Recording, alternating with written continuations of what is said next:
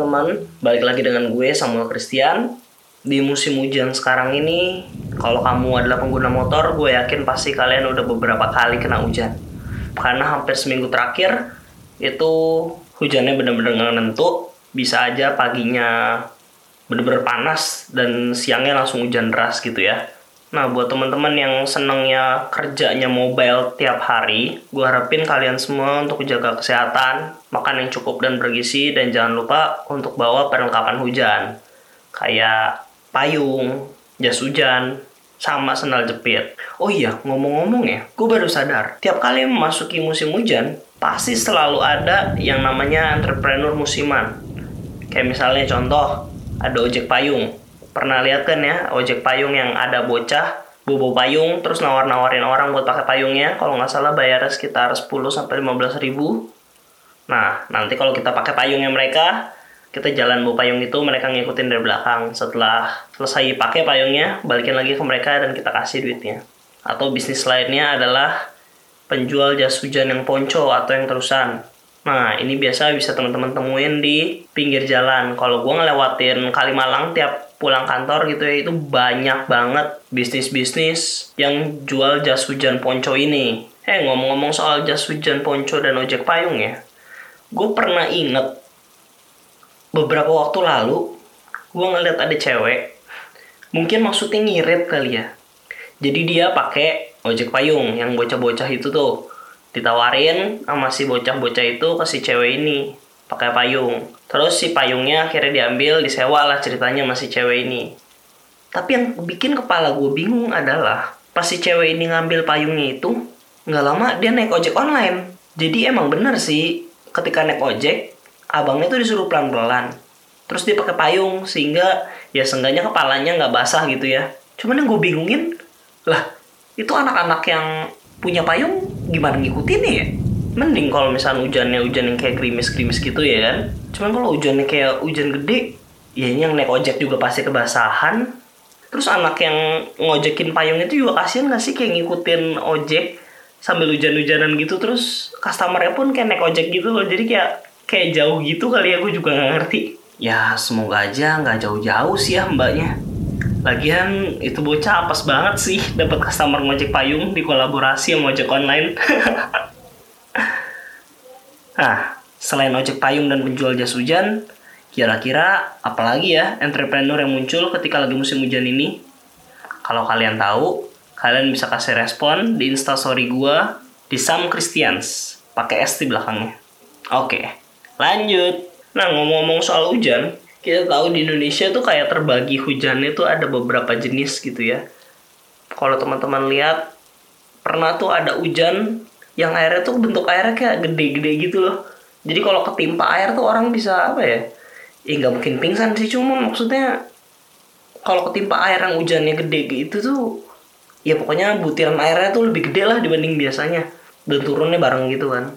Nah itu kejadian biasanya kalau lagi panas terus tiba-tiba hujan tapi hujan itu yang kayak cuma sebentar gitu loh kayak cuman hujannya datang terus nggak lama cerah lagi nah itu hujan air yang gede tuh biasanya tuh nah terus ada lagi biasanya hujan es hujan es itu waktu itu sempat beberapa kali kejadian tapi ini jarang banget terjadi dan gue juga nggak tahu kenapa bisa kejadian di Indonesia khususnya waktu itu sempat di Jakarta yang kalau kita kebetulan gue lagi dari luar kota ketika hal itu terjadi di Jakarta gitu ya itu sempat masuk koran bahwa ada hujan es kejadian di Jakarta.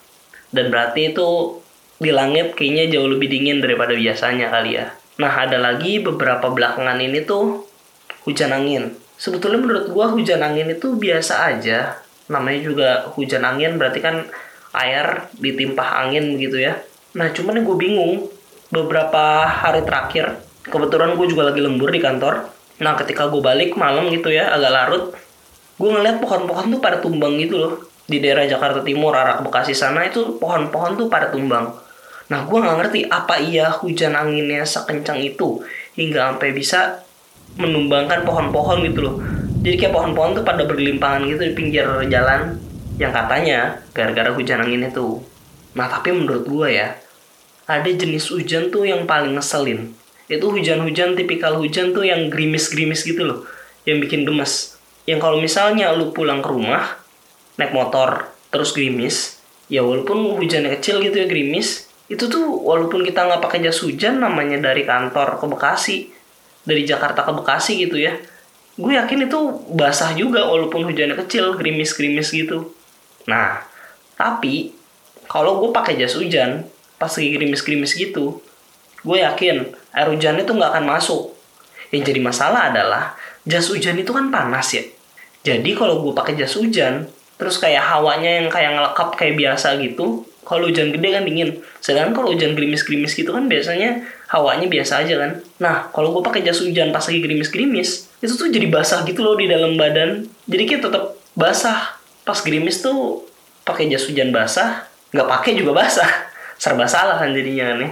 Dia tuh gue inget banget kalau gue lagi balik dari kantor atau dulu pas dari kampus kan kalau misalkan gue kena hujan di jalan gue pasti ganti ganti pakaian dirangkap sama jas hujan celana juga dirangkap jas hujan. Sama biasanya sepatu itu gue taruh gue masukin bagasi motor.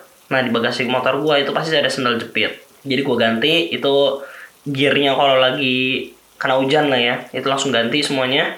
Nah kalau pakai sandal jepit terus jalan kencang gitu ya dari Jakarta ke Bekasi, sumpah itu kaki kalau lagi kena hujan tuh kayak pedes gitu loh, kayak ditempak batu gitu loh. Udah gitu kalau misalnya kita helm gua kan helm yang half face biasa nih yang sekarang. Nah itu kayak serba salah gitu kan. Kalau gua tutup helmnya tuh nanti jadi kayak berembun setiap kali gua napas.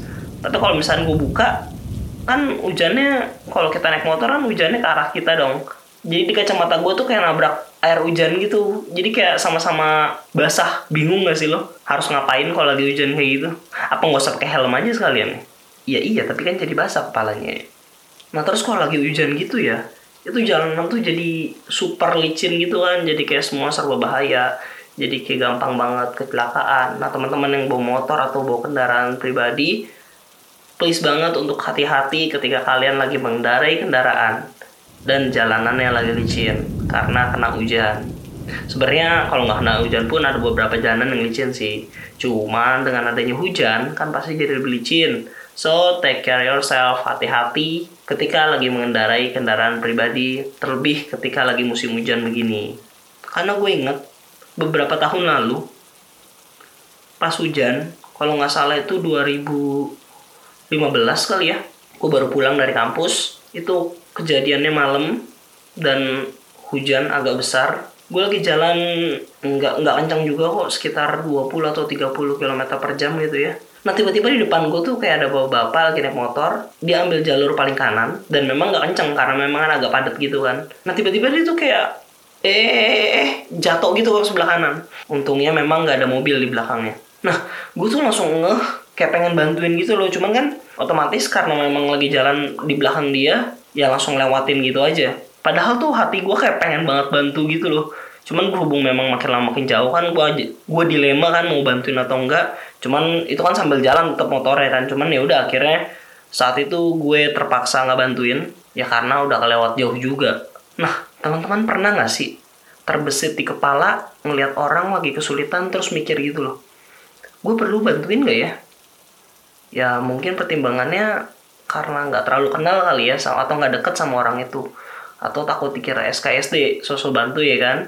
Akhirnya nanti jadi annoying jadi mengganggu lah ya.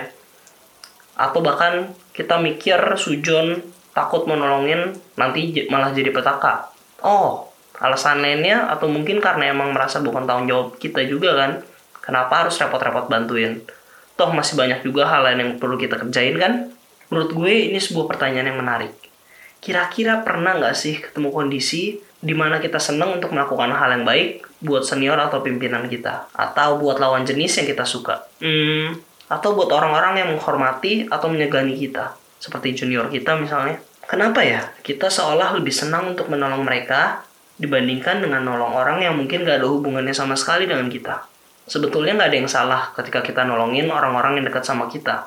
Hanya saja, ketika kita nolongin mereka, gue cuma ingin ngingetin agar pertolongan kita itu tulus. Bukan sekedar pencitraan atau mempertahankan image kalau kita mampu dan bisa mengerjakan banyak hal. Karena, kalau kita nolongin orang lain dengan alasan seperti itu, one day kita akan kelelahan nolongin semua orang yang membutuhkan pertolongan. Ketika kita nolak mereka pun, kita bakal stres sendiri. Karena nantinya takut nggak dihormatin lagi, atau nggak disenangin lagi sama mereka. Nah, ketika ini terjadi dalam hidup kita selama berangsur-angsur, nggak heran kalau kita jadi nggak peduli lagi dengan orang lain. Karena memang perbuatan baik kita adalah sebuah beban dan tanggung jawab bagi kita, bukan kepedulian terhadap sesama. Nah, lewat kejadian di malam itu gue jadi belajar. Setelah momen gue ngelewatin orang itu, dalam hati tuh rasanya nyesel banget. Kenapa nggak berhenti untuk nolongin bapak itu? Padahal gue inget betul, ketika gue SMP dulu, gue tuh pulang jalan kaki sekitar 1,5 km sambil panas-panasan, sekitar jam 2-an atau setengah tigaan gitu ya. Tapi, kadang ada satu atau dua orang teman gue yang kebetulan bawa kendaraan, mereka berhenti dan ngasih tumpangan ke gue di pinggir jalan itu. Gue masih inget betul rasa syukur dan happy-nya ketika ditolong rekan yang emang tulus nolongin. Bukan karena butuh patungan bensin atau karena kita deket dan punya hubungan, tapi karena mereka nolongin gue karena mereka tahu gue butuh bantuan. Sejak kejadian malam itu, gue berusaha. Ketika gue bisa dan mampu untuk nolongin temen atau rekan gue, gue akan berusaha sebisa mungkin untuk nolongin mereka. Karena menurut gue, ketika kita melakukan hal yang baik, bukan karena kita ingin pencitraan di depan orang. Ketika kita melakukan hal yang baik, that's because who we are. Karena kita memang orangnya begitu. So, that's it. And until next podcast, See ya!